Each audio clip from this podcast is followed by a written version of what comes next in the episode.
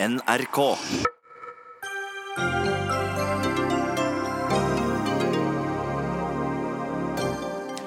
Etter i morgen er Siv Jensen den eneste Frp-eren som er igjen i regjeringen siden de kom til makten i 2013. Hva betyr det at både Ketil Solvik-Olsen og Terje Søviknes nå forlater sine statsrådposter? Kan Den europeiske menneskerettighetskonvensjonen overprøve FNs kvinnediskrimineringskonvensjon? Hva skal avgjøre om leger kan nekte å sette inn spiral av samvittighetsgrunner? Og Norges største selskap, Equinor, tidligere kjent som Statoil, søkte om statsstøtte til å bygge ut havvindmøller som skal gi strøm til oljeproduksjon. Equinor møter Bellona.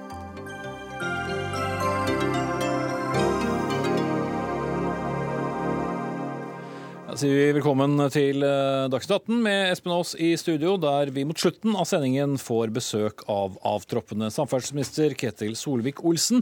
Men eh, vi varmer litt opp til det nå med eh, våre politiske kommentatorer, for i dag kom altså beskjeden om at Frp-statsrådene olje- og energiminister Terje Søviknes og samferdselsminister Ketil Solvik-Olsen altså går ut av regjering.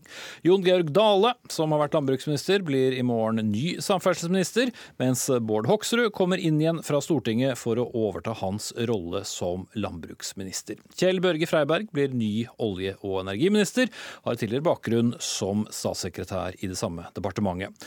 Og omtidig, omtrent samtidig som endringene ble kjent, kom også beskjeden om at Riksadvokaten nå skal vurdere saken mot Terje Søviknes på nytt. Altså saken der den en gang 16 år gamle jenta eh, hevdet at hun ble voldtatt av Søviknes under FPUs landsmøtefest i 2000. Statsadvokaten i Buskerud, Vestfold og Telemark avviste 18. juni en begjæring om gjenopptakelse av den 18 år gamle saken. Men eh, vi går først til deg, Frøy Gudbrandsen, politisk redaktør i Bergens Tidende. Eh, dette var altså to nyheter rundt Søviknes på én og samme dag. Hvorfor trekker han seg, tror du? Nei, altså jeg, jeg, kan ikke vite den fulle og hele sannheten om hvorfor han trekker seg, men det i hvert fall eh, folk sier her, er at det er veldig bra for Vestlandet og for partiet her at han kommer tilbake for å drive valgkamp. Eh, og det er, jo, det er ikke noe tvil om at han er den største profilen i Hordaland. Og når nå Hordaland og Sogn og Fjordane skal slå seg sammen, så er det utrolig viktig at de har en tydelig og kjent profil. Så her er det jo mange som syns dette er en god idé. Mm. Snakker om det er 18 år siden eh, denne hendelsen. Likevel så har dette vært en sånn slags bumerangsak som eh, har kommet igjen og igjen både mm. til eh, Erna Solberg og til Søviknes selv. Har den vært en, et problem for regjeringen? Det er klart det er en, har vært en belastning for de partene som har vært involvert. Åpenbart denne eh, jenta fra eh, denne hendelsen i 2001, som nå, som du er inne på, har eh, fremmet saken på nytt. Eh, den går ikke over. Og for min del så tror jeg kanskje at eh, den eh, belastningen og det, alt det det innebærer for, for Søviknes, er en del av forklaringen. Som i hvert fall, vil jeg si, gjør, det, gjør valget om da å gå tilbake til lokalpolitikken som, som han gjør, lettere. Så på den måten tror jeg det kan ha spilt, uh, spilt en rolle. Mm. Nå kommer altså denne nyheten uh, i en uke hvor vi knapt trodde vi skulle se en eneste statsråd, fordi det er uh, budsjettforhandlinger, og vi har stort sett i tidligere uken fått beskjed om at det ikke er tilgjengelig pga. det. Men nå får vi altså disse endringene, og, og Kjetil Alstaheim, politisk redaktør i Dagens Næringsliv. Hvordan leser du disse forflytningene og endringene som nå kommer? Det er, eh, sånn som jeg skjønte, så er dette, er dette, planlagt over tid. Det er ikke sånn at det plutselig er, er utløst av noe. Det er, eh, det, er, det er, planlagte endringer. Eh, men de kommer jo overraskende. Og det, det, er veldig interessante, særlig hva dette betyr for det indre liv i Fremskrittspartiet. Med, der de nå har altså opplevd først at Per Sandberg gikk av både som fiskeriminister og nestleder i partiet. Og nå går da den andre nestlederen ut eh, av regjering eh, og holder det åpent om han skal fortsette som nestleder. Han vil gjerne fortsette som nestleder, som en slags sånn eksil-nestleder i Alabama. Det er jo en ganske spesiell situasjon. Ny titel, ja. Men dette gir også da eh, nye roller for begge de som mange ser på som mulige arvtakere i, i Fremskrittspartiet, nemlig Sylvi Listhaug, som da etter alt å dømme blir konstituert som nestleder nå i september og Jon Georg Dale, som får et tyngre departement, og som mange har ventet på. at skal få et tyngre departement. Mm. Eh, fra Gudbrandsen, det at uh, Terje Søviknes da etter uh, alle solmerker vil komme tilbake til Vestlandet igjen, betyr det at han nå vil konsentrere seg om det og forsvinner ut av rikspolitikken for godt? Jeg tror det. Uh, og jeg tror nok at uh, for Søviknes så det å bli olje- og energiminister nå, det var nok Viste seg nok å være så langt han kom uh, i rikspolitikken. Så at det i hvert fall Altså hvem vet om ti år, men altså Jeg tenker at for han er kanskje Kanskje er det mest fornuftig å komme tilbake igjen, og her er han jo kongen på haugen. og han, i regjeringen så er han antagelig erstattelig. Mm. Eh, Magnus Hakan, hva da med Ketil Solvik-Olsen? Er dette det siste vi har sett av ham i rikspolitikken? Han har jo selv sagt i dag at han ikke utelukker noe comeback. Nei, Jeg tror ikke det er det siste vi har sett av han. Eh, altså, jeg tror det, altså Poenget ved at han nå understreker så tydelig at han vil komme tilbake, er nok ikke tilfeldig. Så hans ambisjon er å, tror jeg, fortsette i toppolitikken, i toppverv i Frp. Og det er eh, flere som, når vi først snakker om temaet arverekkefølge i Frp, også ser han inn i en slik setting. Det er, det er åpenbart at da Sylvi Listhaug ble skal vi si, utpekt som konstituert og antagelig da eh, valgt nestleder i partiet etter Per Sandberg, så, så, mange, så, så var det et signal om at hun på sikt er interessert i å overta ledelsen av partiet. Eh, så det er en, en spennende eh, eh, Altså hva som skjer med FrPs toppledelse, er et av de mest spennende aspektene ved dette. Og Kjetil Solvik-Olsen er også en mulig kandidat blant disse tre som er, er, nevnt. Mm. For Som jeg nevnte innledningsvis, nå er nå Siv Jensen det eneste en av den opprinnelige besetningen, hvis vi skal bruke sånn popband, eh, når det gjelder de som var med eh, i regjeringen eh, fra start. Og altså, heller ikke hun skal jo sitte som verken leder eller for den saks skyld statsråd i evig tid. Nei, hun skal jo ikke det. Eh, men eh, hun, hun, trives jo med det. Mitt inntrykk er i hvert fall at hun trives med det hun gjør nå. Hun har jo fått til dette prosjektet med å få, ikke bare få Fremskrittspartiet inn i regjering, men overleve et valg, eh, som jo er mer enn en mange trodde. Sånn at Det er jo ikke sånn at hun har signalisert noe her om at hennes tid som leder begynner å nærme seg slutten, men, men, men det, men det var jo ikke evig. Nei, og Det har vært mange ombyttinger. Og Bare det siste året med disse to eller siste to årene, unnskyld, så har det jo da blitt byttet ut eller gått av ni Frp-statsråder, hvis vi tar med oss Søknes og, og Solvik-Olsen. Hva, hva slags historie er det? Ja, den, den, er jo litt sammensatt. Den med, med, altså Sylvi Listhaug er jo en egen historie, f.eks. Hun uh, hadde jo ikke noe ønske om å gå, egentlig, og Fremskrittspartiet hadde ikke noe ønske om å, å bytte henne ut, men, uh, men det, det, kom til den situasjonen. Uh, Ketil Solvik-Olsen har sin forklaring med hensyn til familien.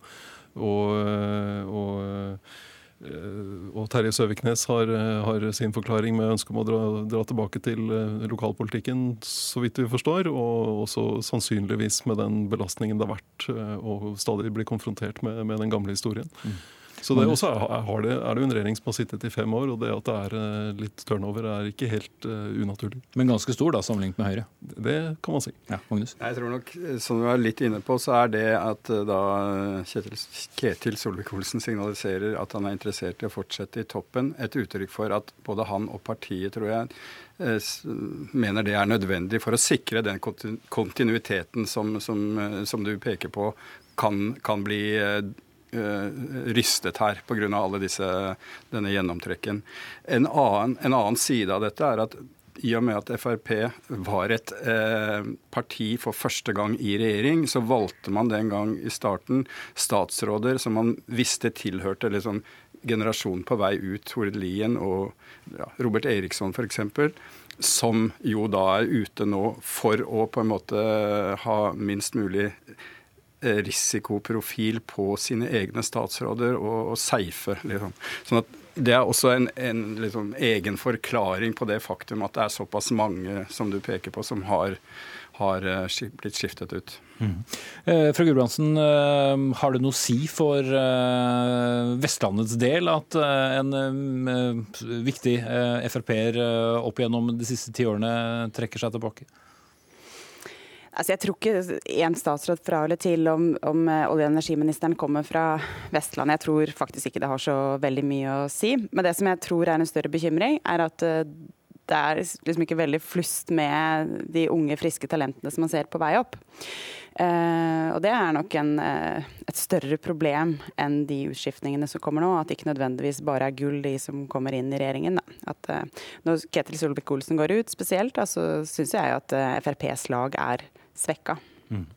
Så må vi ikke glemme at vi får inn et nytt navn, i tillegg til de vi kjenner fra før. Eller vi får komme to inn fra Stortinget. Den ene kjenner vi godt. Men Kjell Børge Freiberg er for mange et ganske ukjent navn. Hva slags Frp-er er det vi får her? Han har bakgrunn som ordfører i Hassel kommune og har vært statssekretær i Olje- og energidepartementet, så han kjenner jo det departementet fra før. Og så han da, sitter han på Stortinget nå, men han har jo ikke veldig lang rikspolitisk eh, erfaring, så han er jo en, en ny person for, eh, for, mange av oss. Mm. Og Så har jo Solvik-Olsen da representert én eh, type fløy, som ikke nødvendigvis har vært den samme fløyen som eh, Sylvi Listhaug har, eh, har tilhørt eh, Magnus Takvam. Endrer det noe for maktposisjonen i Fremskrittspartiet når han da blir i eksil, som vi har snakket om her? Ja, Det kan man ikke se bort fra. Altså, men hvis det er riktig, slik jeg antyder, at han bare tar et knapt års pause, så, så kommer han jo tilbake og er, har signalisert at han eh, er villig til å fortsette på toppen. Det som er i den sammenheng det mest spennende, føler jeg, er, er dersom Sylvi Listhaug Altså hvordan hun som nestleder i partiet velger å bruke den posten. Det er klart at En del mer moderate Frp-ere er åpenbart redd for at, uh, at, at, det kan føre partiet tilbake i en populistisk kurs for å vinne stemmer på kort sikt, men som samtidig da eh, gjør at regjeringsprosjektet, samarbeidspartier og sånn eh, blir støtt bort. Sånn at jeg tror det er den siden av, eh, av utviklingen ved Frp som, som, som, på en måte er mest spennende og litt sånn uh, usikker framover. Mm. Eh, for ordens skyld, det er bare Ketil Solvik-Olsen som selv offentlig har bekreftet eh, at han går ut eh, i dag. De andre blir offisielt da i statsråd i morgen. Takk til politisk kommentator her i NRK, Magnus Akvam, Kjetil B. Alstaheim, politisk redaktør i Dagens Næringsliv, og Frøy Gudbrandsen, politisk redaktør i Bergenstidene. Dagsnytt 18 alle hverdager kl 18.00 på NRK P2 og NRK2. Equinor, selskapet som inntil nylig var kjent som oljeselskapet Statoil, ønsker å bli et internasjonalt energiselskap og vil bygge ut havvindmøller for fem milliarder kroner i Nordsjøen og skal i den forbindelse søke statlige Enova om støtte til halvparten av summen. Så langt er vel dette nokså ukontroversielt, men det strømmen fra disse vindmøllene skal gå til, ja det er å pumpe opp fossil energi fra oljefeltene Gullfaks og Snorre. Og Bjørn Otto Sverdrup, bærekraftsdirektør i Equinor. Når dere bygger vindkraft, er det for å hente opp mer olje? Er det den nye fornybarsatsingen i Equinor? Takk for at vi fikk lov til å komme hit. Nei, Det vi egentlig presenterte tidligere i uka, var at vi ønsker å komme med en banebrytende ny teknologi som både kan bidra til å redusere CO2-utslipp og vokse frem det som kanskje kan være et industrieventyr innenfor havvind og fornybar energi. Og så er det sånn at Vi har jobba med den teknologien i over ti år. Og så har vi bygd ett prosjekt i Skottland sammen med skotske myndigheter. Og vi har hatt veldig lyst til å bygge det neste prosjektet i Norge. For å få det første store havvindprosjektet i Norge. Og da vi leita vi, hvor kan vi gjøre det hen? Og det er sånn at Olje- og gassplattformene våre de bruker masser av strøm, masser av energi, og de har store CO2-utslipp. Så for oss er det et veldig fint sted å starte. For noen så kan vi hjelpe til å løfte frem ny teknologi. Mm. Men mange syns kanskje det virker som et paradoks å, å bruke da, eh, fornybar energi for å pumpe opp mer fossil energi? Det er egentlig ikke det. Mer er sånn at vi eh, bruker den kompetansen som både Equinor og samarbeidspartnerne våre kan, olje- og gasskompetanse, så ser vi kan vi òg bruke den kunnskapen om materialteknologi, om konstruksjon og bygge store prosjekt, og på fornybarprosjekt. Så egentlig er jo det vi alle sammen snakker om, hvordan kan vi utnytte den kompetansen vi har i Norge, og på spennende nye områder som har et stort perspektiv ved seg. Mm. For de som ønsker å se veldig høye tall, så er det bare å lese driftsresultatene til eh, Equinor. Og da lurer kanskje mange på hvorfor må dere søke et statlig eh, Enova om støtte til å bygge ut havvindprosjekter? Ja, det er fint. Vi tjener penger om dagen, og det skal alle glede seg over. Men det er jo sånn at myndighetene, ikke bare i Norge, men i alle land, vet at hvis du skal drive teknologiutvikling, så må du av og til ha støtteordninger. Eh, solenergi i verden vil aldri komme uten noen støtteordninger. Nå har vi greid å få til nesten for, uh, uten at de trenger subsidier. Det samme ved vanlig vin.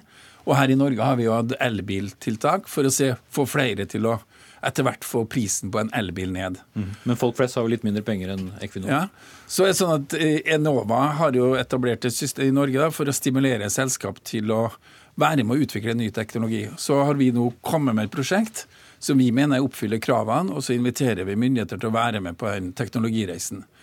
Og det at vi er stor, ja, det kan til og med være litt positivt, for det viser at vi er utholdende, vi har kvalitet, og vi greier å gjennomføre prosjektene. Så det er ikke sikkert at det er dumt. Mm.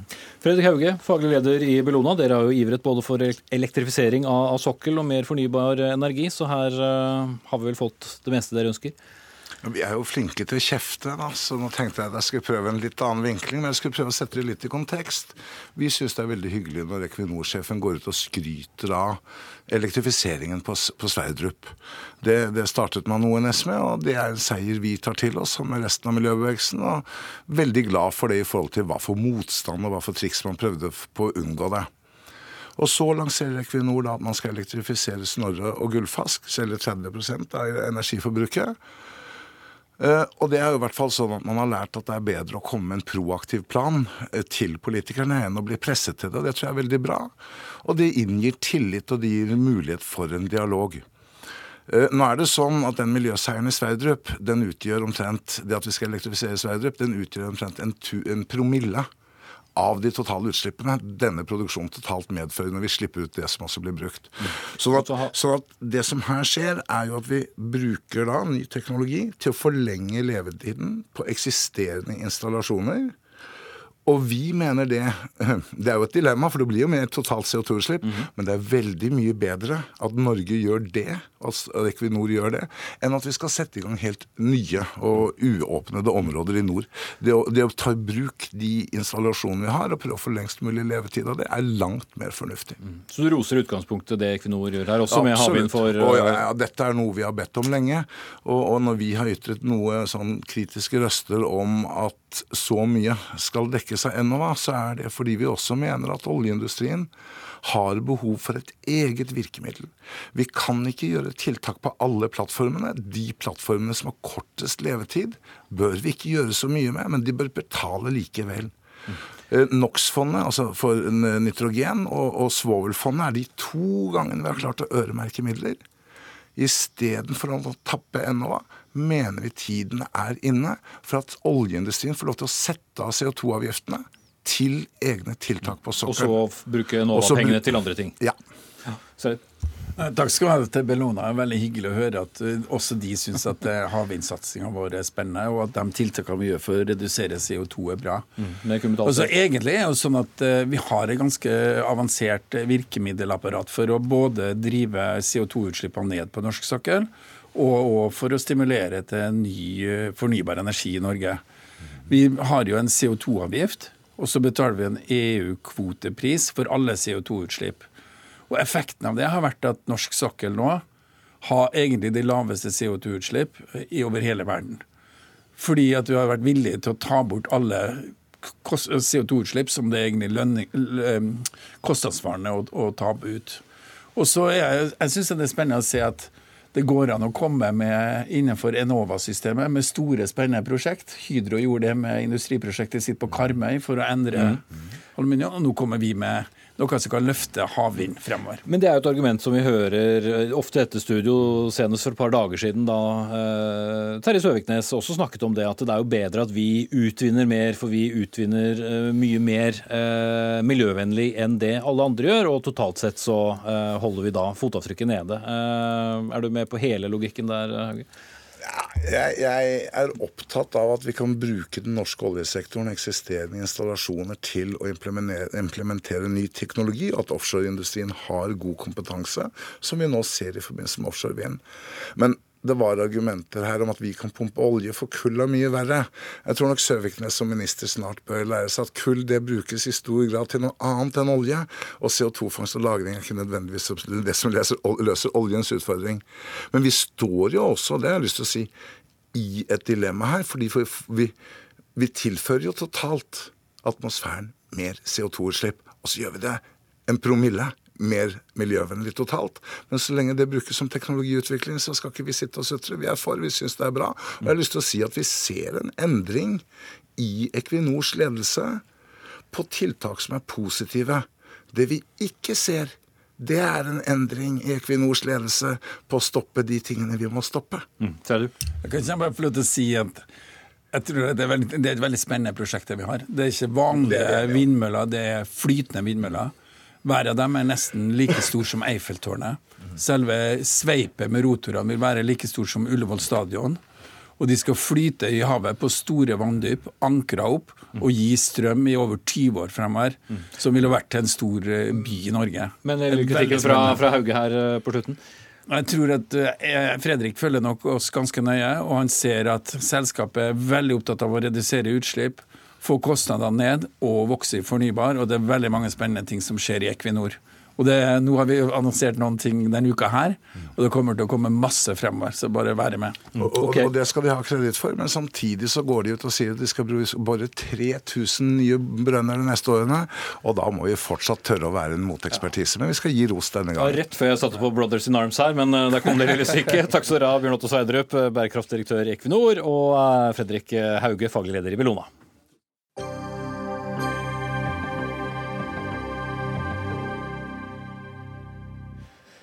Så skal vi uh, snakke om uh, noe som skjer i retten, men uh, ikke den saken som store deler av Presse-Norge dekker om dagen, nemlig ankesaken til Eirik Jensen i Borgarting lagmannsrett, men en helt annen sak som omhandler noen svært viktige prinsipper, som da får langt mindre oppmerksomhet. For Høyesterett skal nemlig ta stilling til om Sauherad kommune var i sin fulle rett til å si opp den katolske fastlegen, som av samvittighetsgrunner ikke vil sette spiral på kvinner. Vi debatterte debatterte, som mange sikkert husker, denne saken i går, men da uten advokatene til stede, for de var nemlig opptatt i Høyesterett. Nå har vi begge her i Dagsnytt 18. Og eh, Frode Lauareid, du er advokat i KS for Sauherad kommune. Og den eh, kommunen fikk altså medhold i tingretten, tapte i lagmannsretten. Hvorfor tror du Høyesterett skal lande på noe annet enn det lagmannsretten gjorde?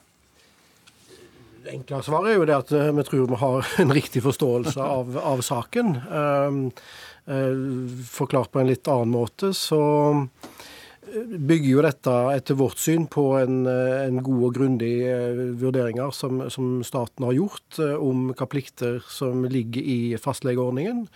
Og vår vurdering av det regelverket er at fastleger har en plikt til å gjennomføre denne prosedyren. Og dersom de ikke ønsker å gjennomføre denne prosedyren, så vil det gi grunnlag for en, for en oppsigelse. og jeg Eh, optimistisk med tanke på at uh, Høyesterett skal dele det synet. Mm. Eh, ingen millionpremie til noen for å gjette at du, Håkon Blekken, som da representerer motparten. Du er partner i advokatfirmaet Håvin, og da advokat for legen, ikke er enig i det? Nei, det er jeg ikke enig i. Dette dreier seg om menneskerettigheter. Og det er riktig som Frode Laureid sier her, at, at myndighetene har villet forby enhver form for samvittighetsforbehold for fastleger det vi kaller et totalforbud. Eh, men vi mener at det er et forbud som eh, går altfor langt i forhold til samvittighetsfriheten som er nedfest i eh, menneskerettighetene. I Den europeiske menneskerettighetskonvensjonen, som er en del av norsk rett. Mm. Og Derfor så er det dette vi tvistes om i Høyesterett. Men da er jo spørsmålet hvilken av disse som skal veie tyngst, da? Menneskeretter eller kvinners rettigheter? Mm. Og Det mener jo Sauherad kommune at um, det er en, et valg som uh, kommunen kan ta, og som uh, staten kan ta. Og det valget byr på en skjønnsmargin, og det er en skjønnsmargin som, eh, som ikke er i strid med, med, med, menneskerettighetene. Så når da kommunen og staten har sagt at uh, her gir vi fortrinnsrett til pasientrettighetene, så er det en prioritering som er innenfor de rammene som, som regelverket tillater. Mm. Men uh, for de som har lest litt om, om, saken, så visste jo kommunen om uh, hva kvinnen mente, og likevel så ansatte de henne, og hun var sågar ansatt i flere år, eh, før hun da ikke skulle være ansatt lenger. Eh, sa egentlig ikke kommunen da at dette var greit?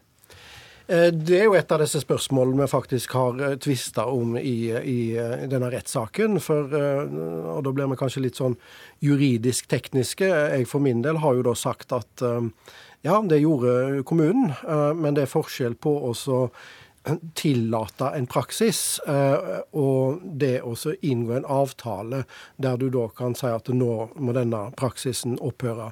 Eh, så min tilnærming til det har jo vært at, eh, at dette aksepterte kommunen inntil videre, og når kommunen da kom til det punkt at en ikke ville at det skulle være slik lenger, så kunne kommunen ensidig bestemme at nå, nå er det slutt på det. Mm. Eh, og Bleken, Man kan jo også snu på det og stille spørsmål om eh, hvis man har så store samvittighetsproblemer eh, med eh, spiral, bør man da søke en slik jobb? Ja, det bør man eh, når man møter en kommune som eh, syns at dette er helt i orden. Eh, og alle kollegene på legekontoret syns det er helt i orden. Og vi har en praksis på det tidspunktet, da hun ble ansatt i mai 2011, hvor man hadde slike avtaler ganske mange steder. Og man hadde holdt på med dette i 30 år. Hun hadde all grunn til å tro at dette var helt greit. Og jeg tror også at Sauherad kommune, kommune syntes det var helt greit da den avtalen ble inngått. Det som skjedde, var jo at staten fant på at nå skulle vi forby dette her totalt. Ingen får lov til å ha det lenger. Og da fulgte rett og slett uh, Sauherad kommune bare ordre og sa henne opp. Og det er det vi mener er feil. Der skulle kommunen vurdert litt nærmere om ikke det fantes litt mer fleksible løsninger enn bare å si henne opp etter at de hadde hatt henne i sin sål i fire år. Uh, nettopp av hensyn til menneskerettighetene og hennes interesser. Og det er også en kjerne i saken at etter vår mening, og jeg mener vi har ført bevis for det, så har det ikke vært noen problemer i det hele tatt forbundet med hennes eh, praksis i Sauherad kommune, for dette har vært løst uten at noen pasienter har lidd noen overlast. Så eh, det er en konstruert eh, motsetningsforhold her mellom pasientene, eller kvinnene, og eh, legen. Mm. For en legmann vil jo mm, automatisk begynne å tenke praktisk. og Hvordan fungerte det da? Så Hvis en kvinne ønsket spiral, hva ville da skje? Ja, Det som skjer i Sauherad kommune, er jo at enn, flere enn denne legen setter ikke inn spiral da av andre grunner, f.eks. at de ikke har kompetanse eller at de ikke ønsker å gjøre det, men ikke har et samvittighetsforbehold. Det som skjer, er jo da at pasienten blir henvist til en annen lege tvers over gangen som gjør det, eller til gynekolog som ikke er altfor langt unna. Og Et poeng er jo at det er så få pasienter i Sauherad kommune som ønsker denne prosedyren at det faktisk er vanskelig å opprettholde kompetansen. fordi det er noe du bør gjøre ikke altfor sjelden hvis du skal kunne gjøre det bra. Mm. Eh, så da er jo spørsmålet til, eh, til dere, da, Laureid. Eh, hvorfor ble det plutselig et problem hvis det ikke var det? Det ble jo en debatt som oppsto i forbindelse først med Når det ble åpna for assistert befruktning for, for, lesbiske, så ble det jo en debatt om dette. her. Og så ble det jo en ny runde når eh, det ble en avtale mellom KrF og Solberg-regjeringen om at en ville lovfeste positivt en reservasjonsmulighet for fastleger mm. til å henvise til abort. Ehm, og da kom det opp en, en massiv motstand fra folket, for å si det slik, som gjorde at um, det forslaget ikke ble, ble, opprettholdt. Og da kom det òg veldig sånn, sterke signaler fra Stortinget og helse- og omsorgskomiteen at dette var en praksis som de ikke så positivt på. og, og da klargjorde departementet veldig sitt standpunkt. Det ble åpna tilsynssak både mot legen og kommunen. Og Konklusjonen i den tilsynssaken var at eh, en slik praksis og slike avtaler var i strid med, med regelverket, og Statens helsetilsyn tilskrev kommunen og, og, ba om en tilbakemelding på hvordan kommunen ville eh, ordne opp at eh, praksisen ble i tråd med det som var statens forståelse av regelverket. Mm. Men som jeg antydet tidligere, så ytterste konsekvens så står da Den europeiske menneskerettskonvensjonen opp mot FNs kvinnediskrimineringskonvensjon. Har vi noe praksis på hvor disse har stått opp mot hverandre tidligere? Vi har i hvert fall ikke det i Norge. Om det finnes i andre land, det kan tenkes. Så denne utfallet av denne saken, når den blir avgjort i løpet av ikke altfor lang tid, kan bli ganske avgjørende for andre saker? Ja, altså nå er det jo et spørsmål om de, altså Vi mener jo at ikke det er noen konflikt her. Vi mener at ikke dette er i strid med kvinnekonvensjonen i det hele tatt. Altså Det første spørsmålet er jo om det er diskriminering i det hele tatt. At man uh, setter inn spiraler bare på kvinner og ikke på menn. Det har jo sine biologiske grunner. og Man kan diskutere om, uh, om det egentlig er snakk om dis kvinnediskriminering. La oss trekke parallellen til en lov vi har om omskjæring av, av gutter. Eh, er det der er det tillatt med, med samvittighetsforbehold uh, i loven uh, under bestemte betingelser. Og Da kan man jo spørre er det diskriminering av gutter, eller er det diskriminering av jøder? Er det antisemittisme hvis man trekker diskrimineringssynspunktene så langt som Jeg vil ikke si altså det prosederer kommunen på, men det er jo departementet som har funnet på at dette er kvinnediskriminering. Så vi mener at dette er ikke kvinnediskriminering. Mm. Det blir i hvert fall uhyre spennende å se når vi får svaret. Og når kommer det? Ca. en måned, vel. Ja. Det er vel det som er vanlig. Ja, ja Et par uker, tenker jeg. Par uker. Ja. Dere var ikke enig der heller, men vi får se. Takk til Frode Laureid, advokat i KS for Sauherad kommune, og Håkon Bleken, partner i advokatfirmaet Håvin og advokat for da legen.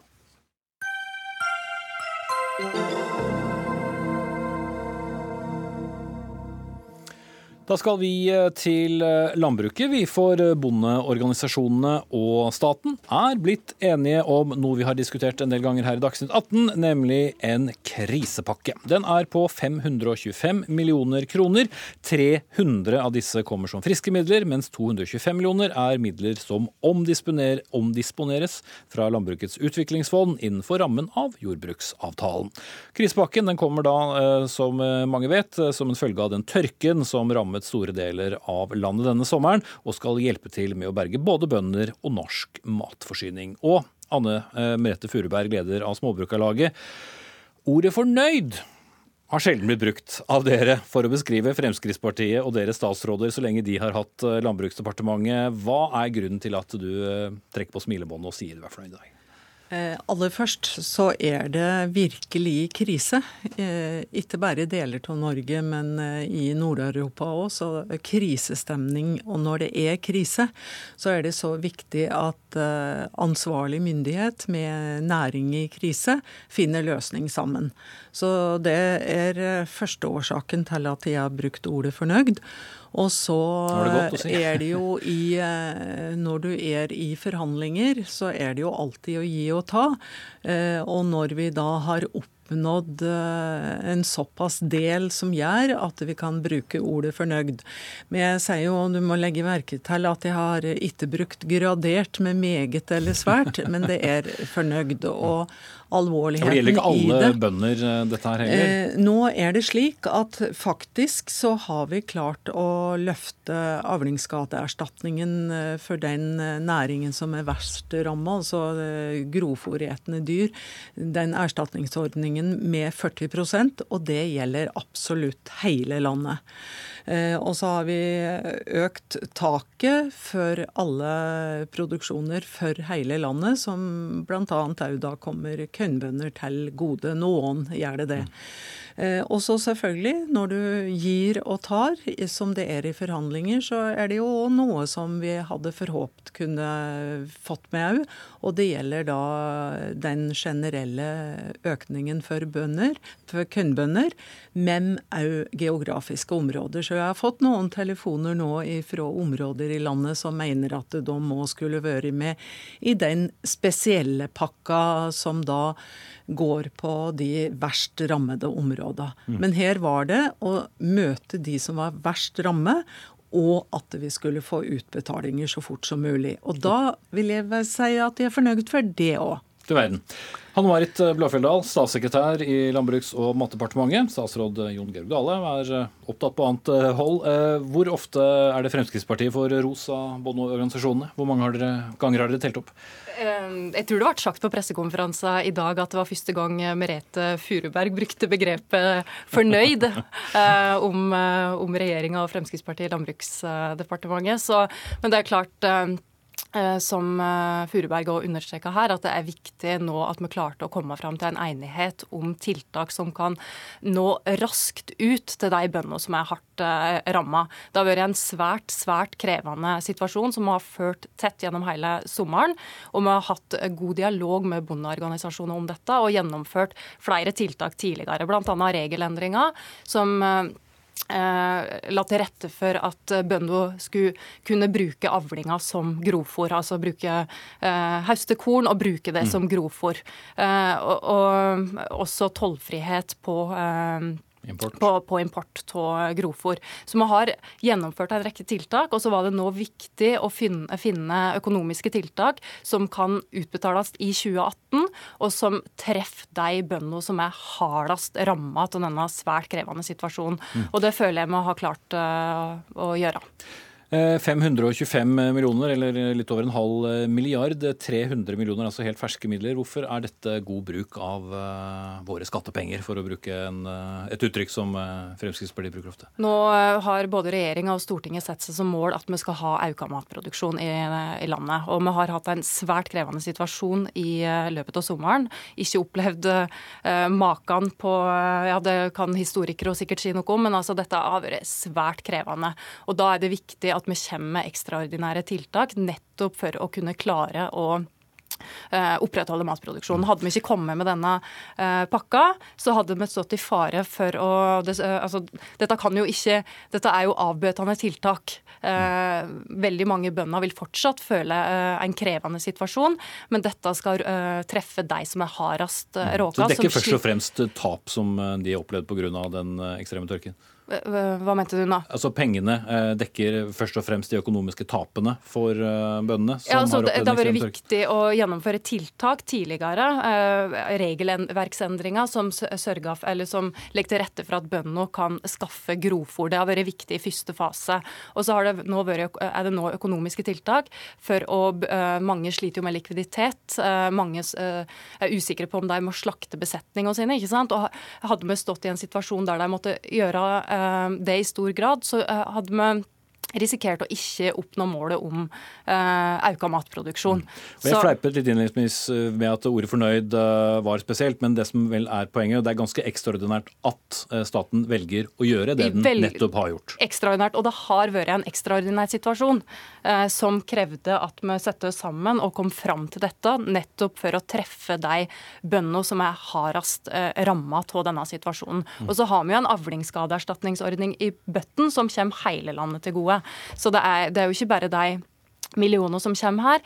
Eh, prognoser på avlingsskadeerstatningsordninga er jo på 1,1 milliard kroner. Mm. Så det er jo masse penger i tillegg til dette òg. Eh, Førberg, eh, tiden går her. Jeg må jo spørre deg, er det sånn nå at landbruket puster eh, ut og Nei. senker eh, skuldrene? Nei, eh, det er det overhodet ikke. For dette er da noe som hjelper nå.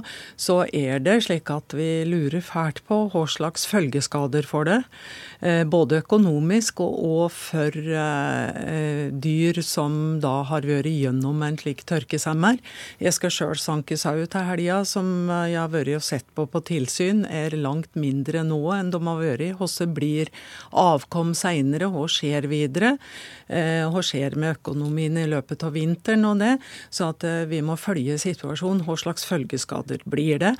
Og vi er nødt til, når vi ser nå hvor sårbart det er, å få til å arbeide med en bedre politikk som gjør at vi tar matsikkerheten og matproduksjon i, for hele landet. Og så ble det nevnt i starten om dette her var spesielt. Nå er det jo slik at eh, enhver næring som har hatt ei krise, kan nevne oljenæringen mm. f.eks., så har det jo vært krisepakker av en langt større størrelse enn vi har fått. Eh, så her må vi hele tida følge følge situasjonen og, og se hva som må komme i tillegg eh, seinere. Mm. Ok, da sier vi takk til eh, Anne Merete Furberg, leder av Småbrukarlaget, og Hanne Marit Blåfjelldal, statssekretær i Landbruks- og matdepartementet. Hør Dagsnytt 18 når du vil. Radio NRK Radio.nrk.no.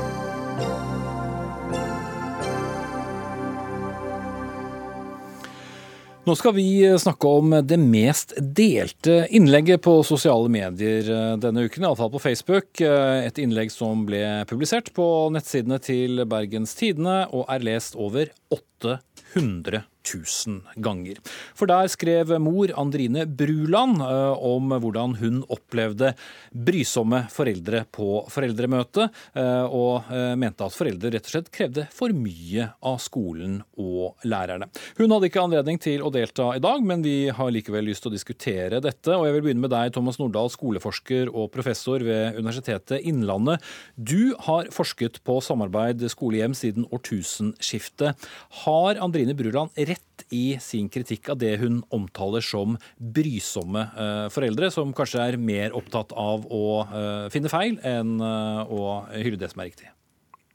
Jeg har ikke så veldig mye forskning på det, men jeg har sett litt på utviklinga de siste 18 åra, og det er en svak tendens til at foreldre i dag kanskje er noe mer kritiske og litt mindre solidariske enn det foreldre var for da drøyt ti år siden. Så til en viss grad så tror jeg hun generelt har rett, men dette varierer veldig mye, og de fleste foreldre følger veldig, veldig godt opp om skolen. Mm.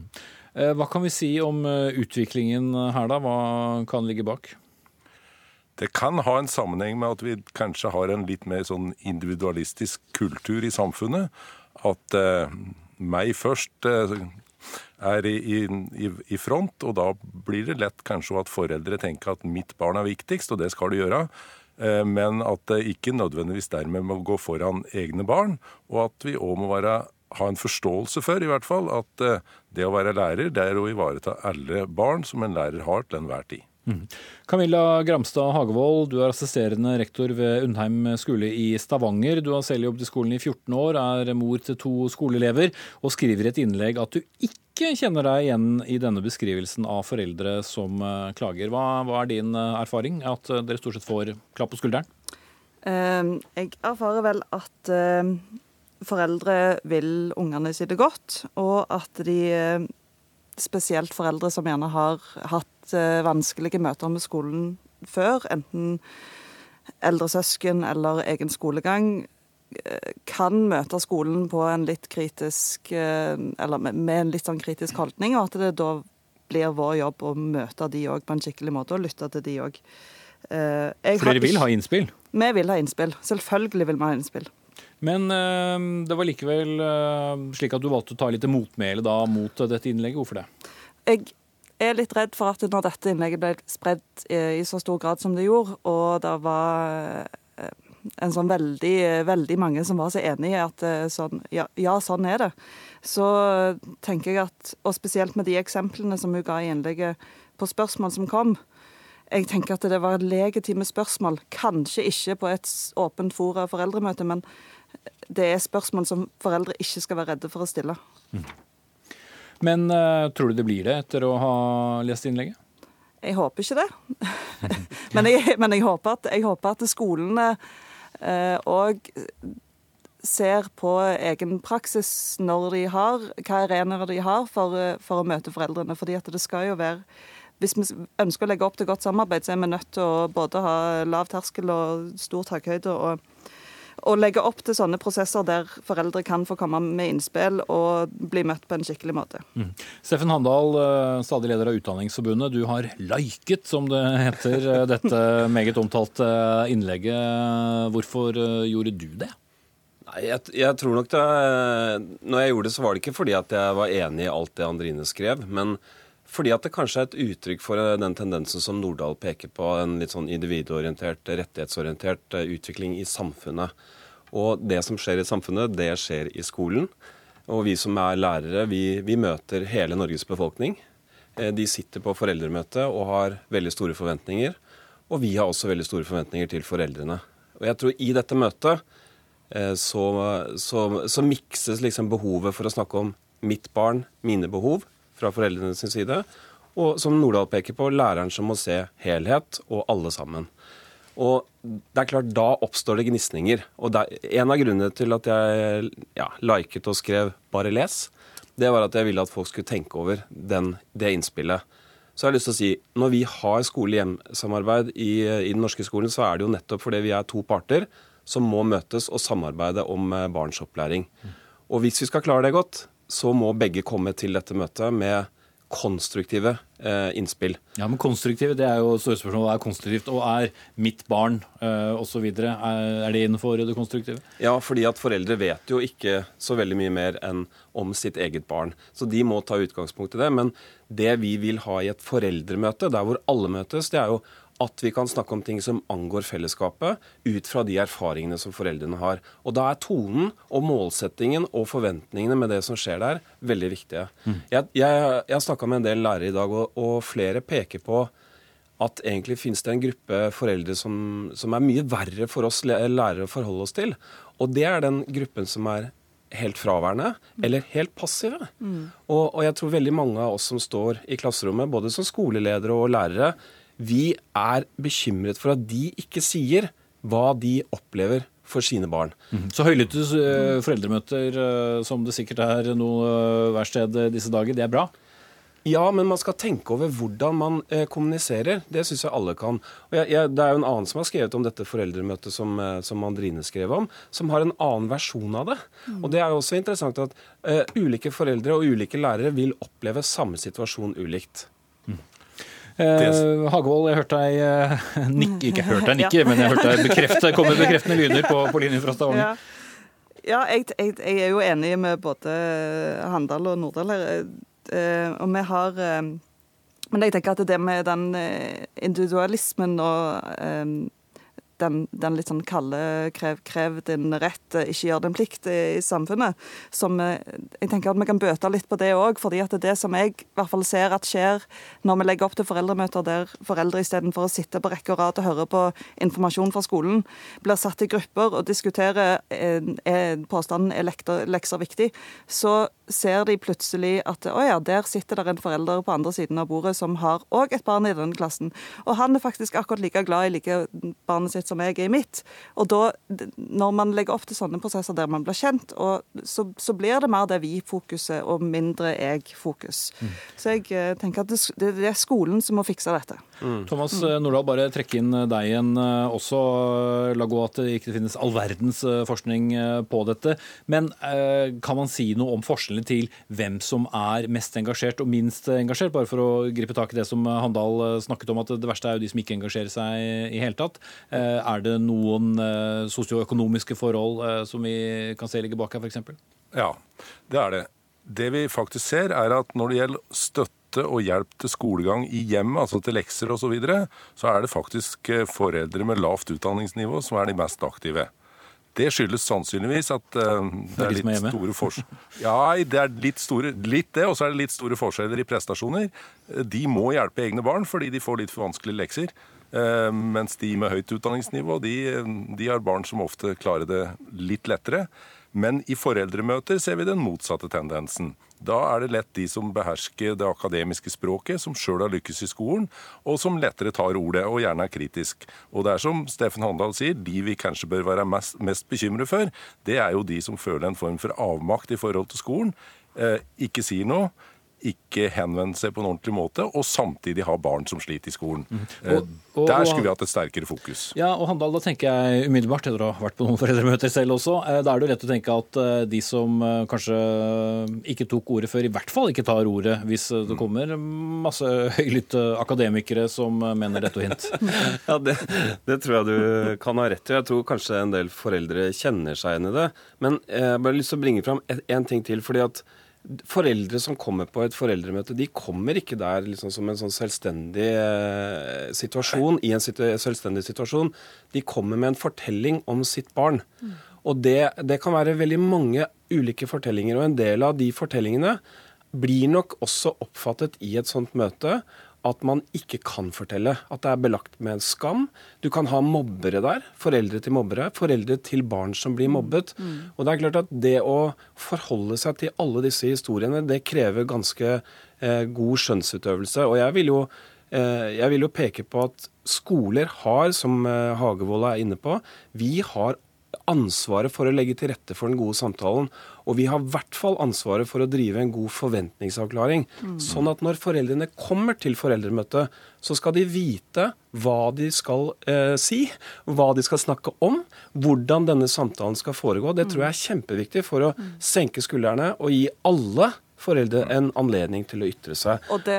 Ja, og Hagvold, Dere må rett og slett ja. utdanne foreldrene litt her òg? Og ja, vite hva foreldremøtet faktisk skal brukes til? Ja, jeg, altså jeg tenker at Det er jo noe som det går an å starte foreldremøtene med. Og, legge premissene for hvordan er det vi vil ha dette samarbeidet. Hvor, hva ting tar vi opp i et foreldremøte, hva ting tas opp i en utviklingssamtale. Eh, hva hvem henvender dere, dere til for den saken? Altså, eh, få klarlagt kommunikasjonskanalene informasjonskanalene, sånn at eh, man er enige om de. Så må vi ikke glemme da, at dette er jo ikke det eneste møtet mellom skolen og foreldrene. Nei. Man møter jo også lærerne i, altså mer individuelt om mm. sitt barn. Mm. Og jeg tror det, det, er noe å tenke over for foreldre. og Hvor mm. skal man ytre hvilke behov, og hvor skal man fortelle hvilke fortellinger. Eh, og så tror jeg at skolen har en jobb å å, gjøre ved det å, å, legge til rette for at uh, den type foreldremøte som Andrine opplevde, uh, kanskje ikke er det, liksom, det mest fremtredende, men at, uh, at, at, fortellingene skal komme fram på en ordentlig måte. Mm. Men det er jo interessant likevel da at dette innlegget, som for all del ja. kan være en karikert versjon av et foreldremøte, men ikke så karikert, mm har da øh, blitt delt ja. og likt så mange ganger. og Hva mm. kan grunnen til det være? Jo, men jeg, jeg, tror det henger sammen altså Tenk deg selv når du har vært på foreldremøte, så kommer du hjem og så spør eh, datteren eller sønnen din hvordan var det på foreldremøtet. Så har du fortellingen om hva som skjedde, om hvilke foreldre som sa hva. For eksempel, hvis du gjør det, da. Men vi kjenner oss litt igjen i noe Mange kjenner seg veldig igjen. Ja, ja, ja. Men mange kjenner, mange kjenner, seg litt igjen i noe av det som kommer frem. Men det er også andre fortellinger man kunne fortalt om foreldremøter, mm. som veldig mange ville kjent seg igjen i, uten å trykke like på det. Mm. Og det tror jeg fordi at veldig mange mener at er på, hun er inne på noe. det er noe, Hun pirker i noe som vi skal kjenne oss igjen i. Eh, hovedbudskapet hennes er det jo helt umulig å være uh, uenig i. Fordi at Hovedbudskapet er at uh, man skal møte hverandre på en fin måte og bruke den snille stemmen. Og det tenker jeg, og det at foreldrene har et ansvar for sine egne barn, det er det, er det mm. viktigste hun får fram i innlegget. og det det er det helt umulig å være uenig i. Så mm. Derfor tror jeg det har blitt delt. Det, er et fint eh, punktum. Og så gjentar jeg bare også at uh, Andrine Bruland uh, nok gjerne ville vært her og diskutert med dere, men ikke hadde anledning. Takk til Thomas Nordahl, skoleforsker og professor ved Universitetet i Innlandet. Camilla Gramstad Hagvold, assisterende rektor ved Undheim skole i Stavanger. Og Steffen Handal, leder i Utdanningsforbundet. Og så er det jo bare å glede seg til alle foreldremøtene som kommer.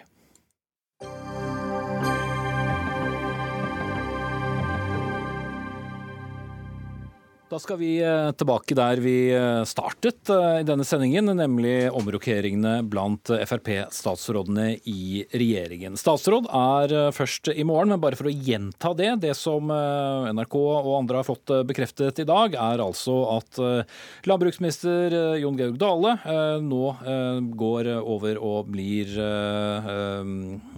samferdselsminister, og blir erstattet av stortingsrepresentant Bård Hoksrud. Terje Søgnes går av som olje- og energiminister og blir erstattet erstattet eh, av stortingsrepresentant og tidligere statssekretær i det samme departementet, Kjell Børge Freiberg fra Nordland. Eh, partileder Siv Jensen hun sitter i budsjettforhandlinger og kan ikke være her. Men det kan du, Ketil Solvik-Olsen, som er den eneste som faktisk har bekreftet din egen avgang før kongen har godtatt det. Hvorfor gjorde du det? Vi gjorde det rett og slett for å unngå spekulasjoner og lignende. Vi vet jo at uh, Det hjalp ikke så mye på de andre. Nei, men, men, det er like greit å bare få klarhet i motivet og det som skjer. Uh, sånn at en slipper å lure på om det er noe mer rundt det. Og det vet vi jo at uh, politisk kommentator er eksperter i å ha alt mulig tenkning rundt en persons avgang. Det er ingen dramatikk i det som skjer, for min del. Min kone har fått en fantastisk mulighet til å jobbe på et stort amerikansk sykehus i et år. Vi hadde en avtale om at en, hvis en sånn mulighet eh, dukker opp, så skulle vi prioritere det. Det har vi vært enige om i, i ti år siden jeg fikk stille til gjenvalg for andre gang. Og nå har den muligheten dukket opp. Og mm. da kan ikke jeg være samferdselsminister med permisjon, da må jeg rett og slett gå av. De som eh, kjenner deg, de som jobber eh, sammen med deg, eh, kan jo lett putte merkelappen 'veldig glad i å arbeide', eventuelt arbeidsnarkoman. Hvordan går det fra å være høyt og lavt som statsråd og bli, ja, bli med på lasset til Alabama? Eh, det, har jeg ikke fått tid til å føle på ennå, fordi vi har nok å gjøre i, i departementet og i budsjettforhandlinger. Men jeg begynner å tenke litt nå på at det blir en interessant lørdag morgen å våkne opp uten noen avtaler. Jeg håper jo at jeg skal kunne finne noe spennende å gjøre på som, som gjør at jeg har mer enn å bare være husfar. Men de første ukene i USA så vil jeg nok være travelt opptatt med å sørge for at ungene finner seg godt til rette på skole, at språkbarrierer og sånne ting håndteres. Eh, og så tror jeg òg at de fort tilpasser seg og eh, blir vant med språk og lignende, og derfor blir integrert i det samfunnet vi kommer til. Mm. Men i tillegg til å ha vært statsråd, så er du jo stadig nestleder i Fremskrittspartiet. Og etter at Per Sandberg sluttet eh, å være det, så oppstår det vel kanskje et vakuum i partiet, eller har du tenkt å være nestleder i eksil? Det har jeg sagt at sentralstyret skal få bestemme. Jeg stiller meg til disposisjon hvis de mener at det er fornuftig at jeg fortsetter som nestleder. Eh, så, så, så gjør jeg det. Fordelen er jo at jeg vil ha frigjort tid, så jeg vil faktisk kunne jobbe en del ting med å tenke strategi og langsiktig. Ulempen er jo naturlig nok jeg er veldig langt vekke. Og, i en annen tidssone, ikke minst. Og i en annen tidssone og sånne ting. Eh, og, og, det betyr at eh, det er noen gevinster, men det er òg kanskje enda mer ulemper. Men det høres nesten ut som du er innstilt på å fortsette som nestleder eh, i eksil, hvis du kan det? Altså, Jeg er jo fortsatt veldig glad i politikk, og jeg håper jo at jeg vil kunne være med å bidra. Men jeg kommer ikke til å tviholde på nestlederposisjonen hvis sentralstyret tenker at Siv og gjengen trenger folk som er nærmere, som følger politikken dag til dag og står litt mer oppi det. Men i den diskusjonen så sier jeg da at det skal sentralstyret få lov til å ta, fritt og åpent. Jeg skal ikke ha forhåndskonkludert i den ene eller andre retningen og prøve å tviholde på en stilling.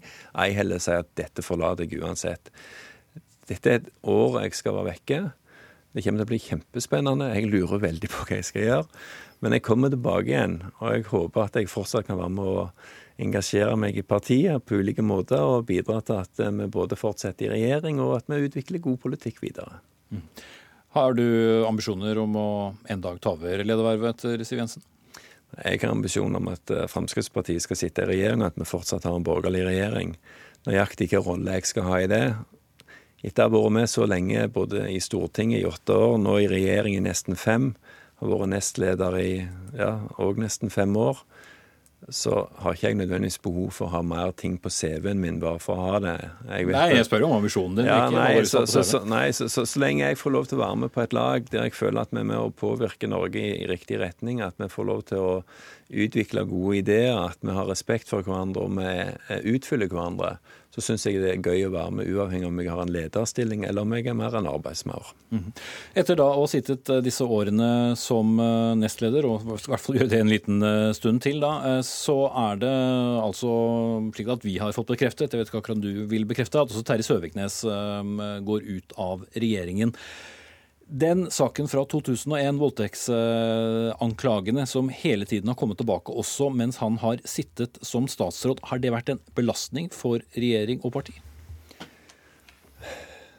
Nei, jeg tror vi har så travle hverdager og så store ambisjoner og visjoner for det vi holder på med, at det, det belaster oss ikke i hverdagen.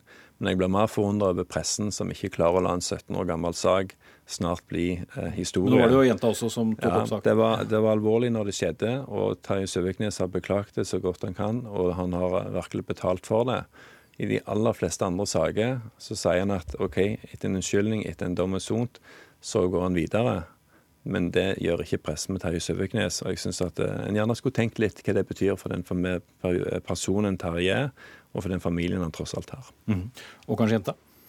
Absolutt for henne òg. Men eh, pressen er jo med å gjøre det vanskelig for begge parter i å kunne gå videre ved å hele veien ta det opp, fordi at en eh, syns det er spennende sjøl å snakke om det. Sånn at her er det to parter som begge har hatt det vondt.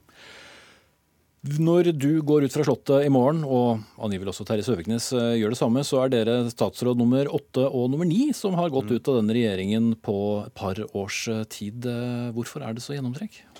Jeg tror Hvis du sammenligner med andre regjeringer, så er det ikke noe spesielt mer gjennomtrekk her enn andre. Tvert imot så har ofte mange pekt på stabiliteten i denne regjeringen. Erna har hatt eh, kontroll. Eh, Erna, Siv og nå Trine er tre gode ledere som gjør at folk respekterer hverandre og drar lasset sammen.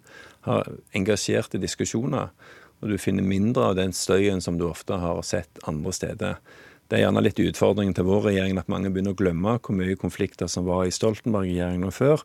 Men uh, ja, jeg Vi har ikke tid til å minnes dem nå. Nei, men, men, jeg mener at du har ikke sett noe særlig gjennomtrekk. Men vi har nå styrt i fem år. Det er ikke unaturlig at vi av og til byttes ut. Ok, Da kan du gå ut og sette på Lyndall Skynnerd og Sweet Home Alabama hvis du ønsker det på spilleren Ketil Solvik-Olsen. Vi minner om at kollega Fredrik Solvang er på plass med den nye debatten på NRK1 klokken 22.10 i dag. Ansvarlig for Dagsnytt 18 Anne Katrine Førli. Teknisk ansvarlig Lisbeth Sellereite. Her i studio Espen Aas.